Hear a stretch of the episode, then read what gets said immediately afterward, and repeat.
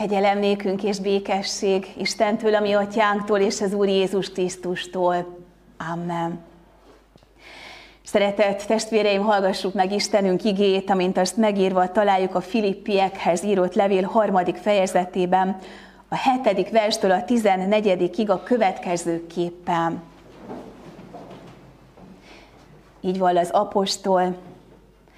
Ellenben azt, ami nekem nyeresség volt, kárnak ítélem Krisztusért. Sőt, most is kárnak ítélek mindent Krisztus Jézus az én Uram ismeretének páratlan nagyságáért. Ő érte kárba veszni hagytam, és szemétnek ítélek mindent, hogy a Krisztust megnyerjem. Hogy kitűnjék rólam ő általa. Nincs saját igazságom a törvény alapján, hanem a Krisztusba vetett hitáltal Istentől van igazságom a hit alapján hogy megismerjem őt és feltámadása erejét, valamint szenvedéseiben való részesedést, hasonlóvá lévén az ő halálához, hogy valamiképpen eljussak a halottak közül való feltámadásra. Nem mintha már elértem volna mindezt, vagy már célnál volnék, de igyekszem, hogy meg is ragadja, mert engem is megragadott Krisztus Jézus. Testvéreim, én nem gondolom magamról, hogy már elértem, de egyet teszek, ami mögöttem van, azt elfelejtve, ami pedig előttem van, annak neki feszülve, futok egyenest a cél felé, Isten mennyei elhívásának, Krisztus Jézusban adott jutalmáért. Amen. Szeretett testvéreim az Úr Jézus Krisztusban, atlétikai világbajnokság zajlik, és a sport témává válik, témává vált ezekben a napokban, főleg azért, mert mindez a helyszín tekintetében is nálunk van, itt Magyarországon, itt Budapesten. Persze nem csak általában a sport, hanem a sportolók nagy felívelő karrierek, sikerek és kudarcok is témává válnak, egyéni teljesítmények, vagy éppen csapat összekovácsolódás. És hát akarva akaratlan, de belelátunk ezeknek a sportolóknak az életébe, az ő harcaikba, az ő történeteikbe, feltárul sok minden róluk, és akkor, amikor Pál apostol a futást, mint példát hozza elénk, akkor ez most nagyon aktuálissá is válik ezekben a napokban. És talán belegondolunk abba, így átlag emberként, persze nem tudom, lehet, hogy van közöttünk, aki komolyabban sportol, de hogy valahol micsoda erőfeszítés, mennyi áldozat, mennyi minden van amögött, hogy valaki eredményt érjen el. A futás, a verseny, a célra, a törés a futóknál.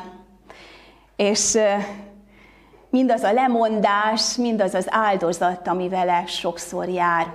És gyakran az emberek az eredményt látják, a végső pontot, meg azt, amikor valaki ott áll a diadallal, de hogy igazából nem látjuk azt a folyamatot, ami odáig elvezet. Az a kitartó munka, az az elköteleződés, az valahol, igen, látszik az eredményben, de valahol mi átlagemberként mégsem ezt a részét tapasztaljuk meg.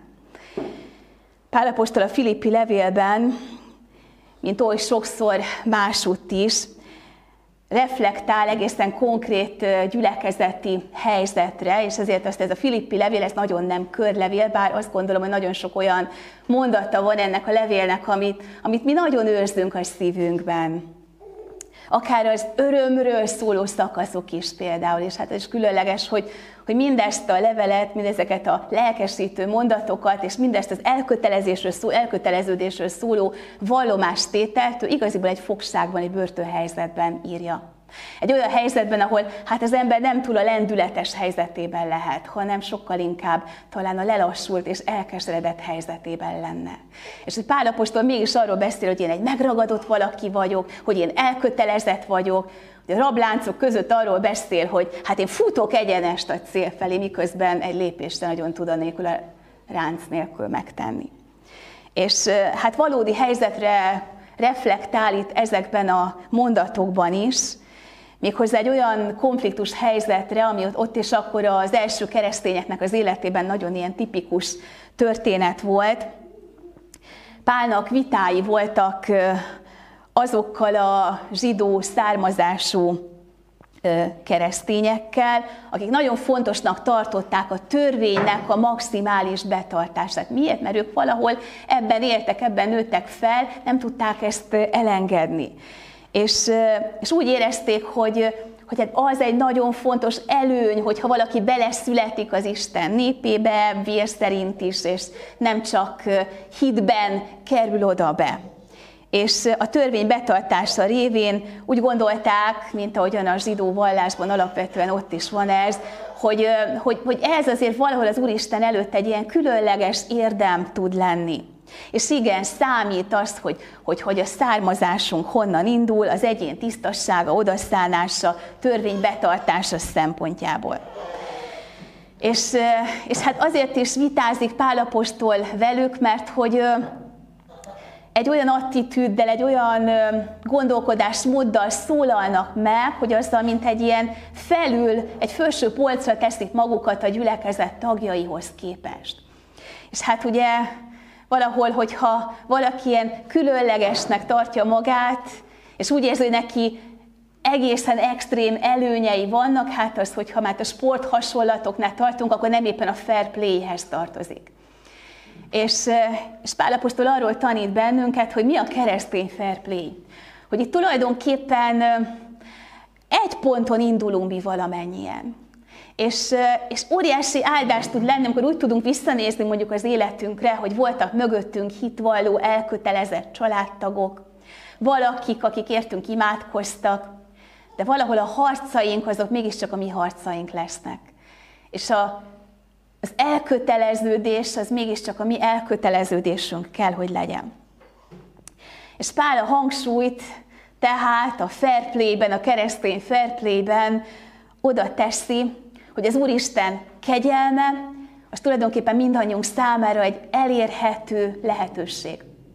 És a Krisztus áldozata, az mindannyiunk számára ugyanazt jelenti, és ami nem ugyanaz, az pontosan az a fajta hozzáállása az embernek, amin bizony nagyon sok minden múlik. Hogy egy sportolónál nagyon sok minden múlik a hétköznapi hozzáállásán az életben, a hétköznapi elköteleződésén, ugye a mi hitéletünknek is ez egy nagyon sarkalatos pontja. És igen, van egy olyan bizonyosságunk, hogy, hogy van üdvösség de a másik oldalon pedig az ember mégiscsak úton van a sok harcával, és annak a tényével, és azt gondolom, hogy akkor vagyunk igazán jó helyzetben, ha ennek a tényét nagyon tudatosítjuk, hogy, hogy hát bizony nem vagyunk tökéletesek, hogy nem emelhetjük önmagunkat a másik ember fölé, hogy tulajdonképpen csak az ember akkor magasodhat a másik fölé, ugye ismerjük ezt a mondást, hogyha éppen a kezét nyújtja felé, hogy felemelje őt. De más esély nincs arra, és más a keresztény felplében nem jogosít fel bennünket arra, hogy mi a másik fölé helyezzük önmagunkat. És hát ugye ez a hasonlat, a futásnak a hasonlata, ahogyan Pálapostól ezt használja, egy olyan kép, ami a mostani ember számára is nagyon érthető, meg hát nyilván a korabeli ember számára is nagyon érthető hasonlat volt. És hát ugye nyilván, ha már bajnokság, akkor itt is a futásban van hosszú távfutás, vannak rövid sprintek, és hát mind a kettőnél különböző energiákat kell megmozgatni.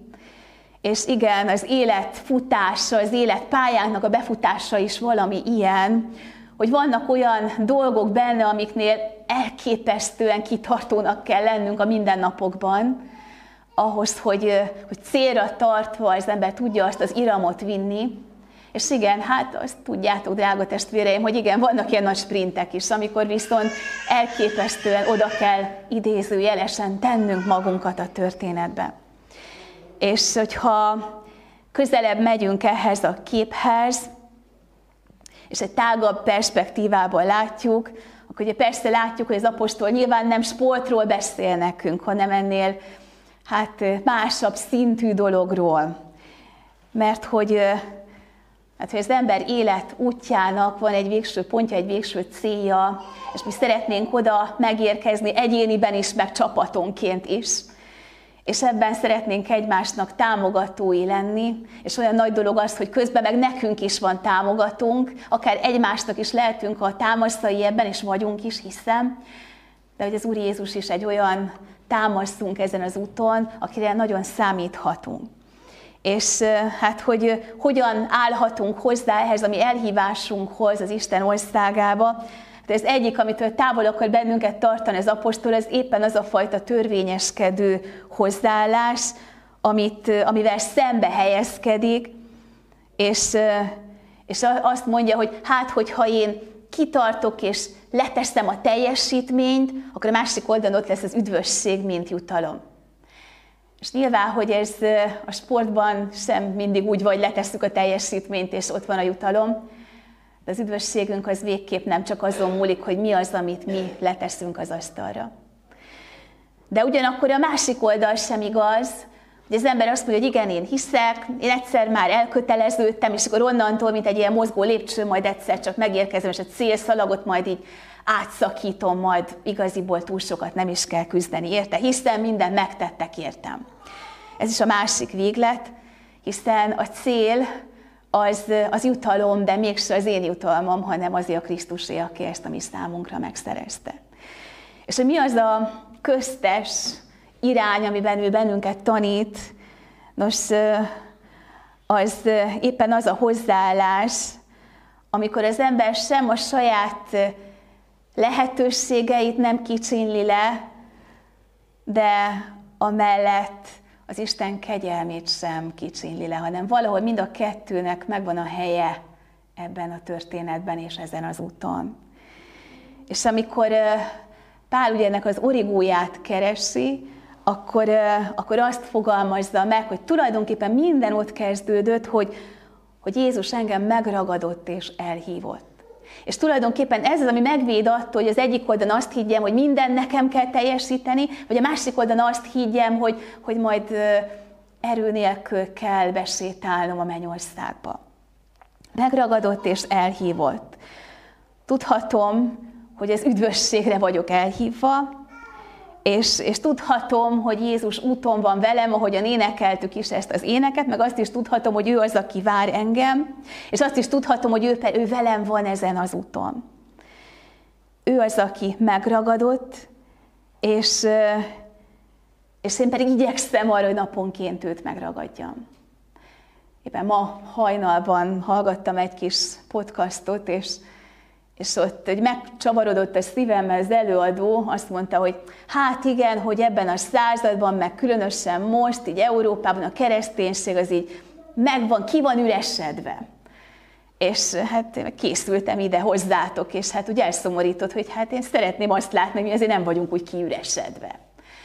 És, és arra gondolok, hogy igen, hogyha csak erre a két dologra néznénk, akár arra, hogy mik a mi erőfeszítéseink, akár arra, hogy ezt elengedjük, és majd a mennybe jutunk, akkor valóban ez a kiüresedésnek az útja. És hogy egyetlen dolog tartja meg ezt az egész történetet, hogy ne legyen üres, ez pedig éppen a megragadottságnak a megőrzése. És valóban ebben van az erő. Hogyha még kicsit közelebb megyünk ehhez a képhez, ebből a nagy perspektívából egy kicsikét az objektívet próbáljuk egy kicsit szűkíteni, akkor akkor talán, hogyha Páltól megkérdeznénk, hogy hát miért indul el egyetlen az ember erre a pályára, és ő maga miért végzi az ő futását, akkor valószínűleg az ő válasza erre az lenne, hogy, hogy mert volt egy nagy kezdeti lendület. Valaki elindított, valaki más irányba állított, és talán azt is elmondani, hogy hát futottam én korábban is, mentem én egy irányba, nem keresztényként kezdtem ezt a futást, ezt a pályát, és buzgón mentem abba az irányba. Isten ellensége voltam, talán ezt is elmondaná az apostol. Hogy egy napon elém állt Jézus, és szó szerint összeestem előtte, és megváltozott az én futásomnak az iránya, meg megváltozott az én futásomnak a lendülete hogyha azt a kifejezést keressük az eredetiben, hogy, hogy mit is jelent ez a megragadott a Krisztus, bár azt gondolom, hogy nagyon értjük ezt, De a szó szerinti fordításban még oda lehet tenni azt, hogy magába fogadott, nem engedett el, és magához ölelt. És ez a három dolog nagyon-nagyon fontos, és ahogyan arról beszél itt az elején az igének az apostol, hogy, hogy nekem minden, ami előttem volt, vagy mögöttem van már, azt én kárnak ítélem, és ami előttem van, annak feszülök, hogy, hogy a hit alapján megismerjem a feltámadásnak az erejét, Hát ebben, ebben nagyon-nagyon benne van ez, hogy igen, hogy Jézus megmutatta a feltámadás valóságát önmagában, azaz magába fogadott, nem engedett el, és nem is fog elengedni, és ez valami óriási erő és reménység nekünk is, meg a nehéz helyzeteinkre tekintve is sokszor. És igen, olykor meg az kell, hogy áttérezzük az ő közelségének azt a szintjét, amikor valaki magához öleli az embert. És hogy valahol ez az a helyes motiváció, innen indul el minden, de hogy, hogy hova jut, ö, olyan elszomorító, amikor ö, ugye ö, talán mindannyian ismerjük az Úr érkezése című versét Adinak, és, és amikor ugye azt mondja, hogy őt, a fényes, nagyszerűt mindörökre látom, ugye ez a vége annak a gyönyörű versnek, amikor ugye arról beszél, hogy hogyan ölelt magához az Isten, és aztán meg tudjuk, hogy ezért hova jutott az ő élete. Bár azért az a reménységem, hogy még az utolsó pillanatban is lehet fordulatokat tenni, de hogy milyen, milyen szomorú az, hogy valaki, akinek volt egy ilyen, egy ilyen mély Isten élménye, egy ilyen megragadása, hogy, hogy micsoda nehéz utat járt be. Tehát, hogy azért ebben a küzdés ott van, és a küzdés rész az meg a miénk. És hát igen, innen jön a futás indítása, a Krisztussal való megragadottságtól, és hát, hogy hol a titok, ezt a három szót szeretném még egy kicsit közösen átgondolni veletek. Ugye érdekes, hogy az apostol azt mondja, ami mögöttem van, azt elfeledve is. Hát lehet, hogy van közöttünk történelem tanár, akkor ez egy kicsit szívja a fogát, hogy hát azért mögöttem van, arra azért emlékezni kell, mert hogy azért ez tanít engem, hogy mögöttem van, meg abból tapasztalatokat szerzek, ez igaz. De amikor egy futó versenyen megy a futó, akkor nem azon gondolkodik, hogy, hogy akkor most mi is van mögöttem, hanem, hanem egészen célra tart. Ez egy speciális helyzet. Nyilván nem egy átlagos történet. És és hát ugye a szó szerinti fordítás az ez, hogy hát semmibe veszem azt, ami mögöttem van. Ebben nyilván vannak a tévutak, ebben nyilván van a megragadottság előtti idő, sok mindent lehet mondani. És, és az emlékezés a Bibliában alapvetően egy nagyon komoly érték, tehát ez sokszor megfordul a szóhasználatában a Bibliának az, hogy, hogy hát azért nézd meg, hogy honnan hozott el az Isten, és hova jutottál, de ez most éppen nem az a pillanat, hanem az, amikor a futó akkor tud teljesíteni, meg megfelelően futni, hogyha nem a múltján mereng, hanem a jelen erőfeszítéseire koncentrál. Hogy teljesíteni tudjon. És, és sokszor valóban ez van, hogy az ember, hogyha egy nagyon kiélezett élethelyzetünk van, akkor a hátrafelé nézésünk az, az nagyon sok energiát el tud venni. Hogyha arra gondolunk, hogy kik voltunk a múltban, és nem arra figyelünk, hogy most éppen mi az, ami a küldetésünk, akkor valahol veszélyeztetjük ennek a versenynek a kifutását vagy a végét. A mögöttem lévő dolgok elfelejtése tehát nem engedi, hogy a múltnak az eredményei azok így megigézzenek bennünket. Fontosak, hiszen azoknak a mentén fejlődik az ember, de ne engedjük, hogy ez elvonja a figyelmet. Van sok minden, amire büszkék lehetünk, de hogy az Úristen még annyi mindent rak elénk is, amire szeretné, hogyha még tovább lépnénk, és amire majd aztán később lehetne büszkének lenni. És hogyha azzal foglalkozom mindig, hogy mi van mögöttem, akkor nem fog arra figyelni, hogy mi a mostani célkitűzés képzéseket tartok a szociális szférában, az egyházunk akreditált egy ilyen egészen különleges olyan képzést, ahol világi intézményekbe is tartjuk tulajdonképpen ezeket a képzéseket. És, és hát azt látom, hogy, hogy akár a mi intézményeinkben megyek, akár pedig a, az állami intézményekben, valahogy a szociális irányba elkötelezett emberek valami hihetetlen módon koncentrálnak a munkájukra, és, és közben a személyes élet céljaik meg valahol ugye elvesznek. És, és mindig olyan döbbenetes nekem megélni velük azt, hogy amikor azt kérem tőlük, hogy na jó, akkor itt a munkád motivációja, és hol van a te személyes életednek a motivációja, te a személyes életedben hova akarsz elérni, akkor sokszor látom azt, hogy ilyen nagy tanácstalanság van. És olyan nagy felismerések, hogy hát tulajdonképpen én nem veszhetek el abban, ami csak az én földi küldetésem. Hogy ezért van nekem egy másik célom is. És valahol, valahol azt gondolom, hogy erre, erre hogy érdemes nekünk is figyelni, hogy nagyon el tudunk veszni abban, ami, ami a hétköznapi életünknek a helyzete. hogy nekünk azért az a távlati cél, amiről Jézus beszél, meg Pálapostól persze nyilván, az azért túl van ezen a hétköznapin. És milyen paradox dolog az, hogy, hogy ahhoz, hogy tudjuk vinni a hétköznapit, ahhoz szükségünk van erre, a, erre a vonalra. Nagyon-nagyon. És hát ugye a másik, aki szokott futni, és sajnos már régen jártam, kellene pedig, most a nekifeszülés, ez egy különleges kifejezés. Ha látunk futókat, akkor szinte beledőlnek ebbe a mozdulatba.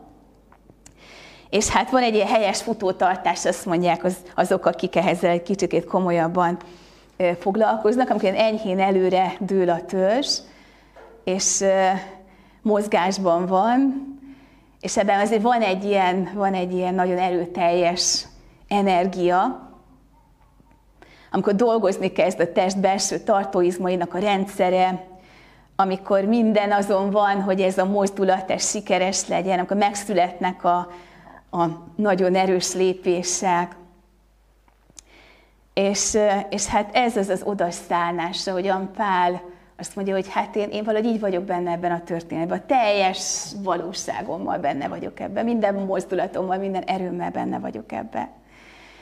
Azért, mert hogy van egy mennyei elhívás, és ennek a mennyei elhívásnak van egy jutalma, és én ezt, én ezt nagyon szeretném. És az üdvösség az valahol ott van ebben a célkeresztben.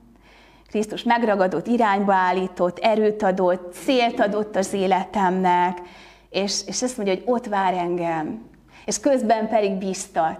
Ugye lehet, hogy hallgattuk a riportokat a mostani atlétikai világbajnokságról, és hát ugye talán hallottuk, hogy itt a, a gyors gyaloglásnak a számában, hogy mekkora vihar volt, és nehezen tudtak elindulni a versenyzők és, és beszélt a magyar versenyző, és azt mondta, hogy hát ilyen jó eredményt ő még nem ért el, azért, mert őt biztatták.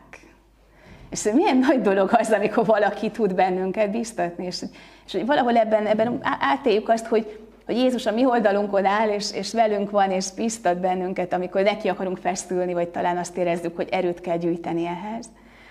Ö, és hogy amikor arra gondoltunk itt az elején, hogy mi hogy vagyunk közösség, azt kell, hogy mondjam, hogy, hogy mi, mi egymásnak is nagyon komoly erőforrásai tudunk ilyen szempontból lenni, hogy, hogy megbíztatni a másikat.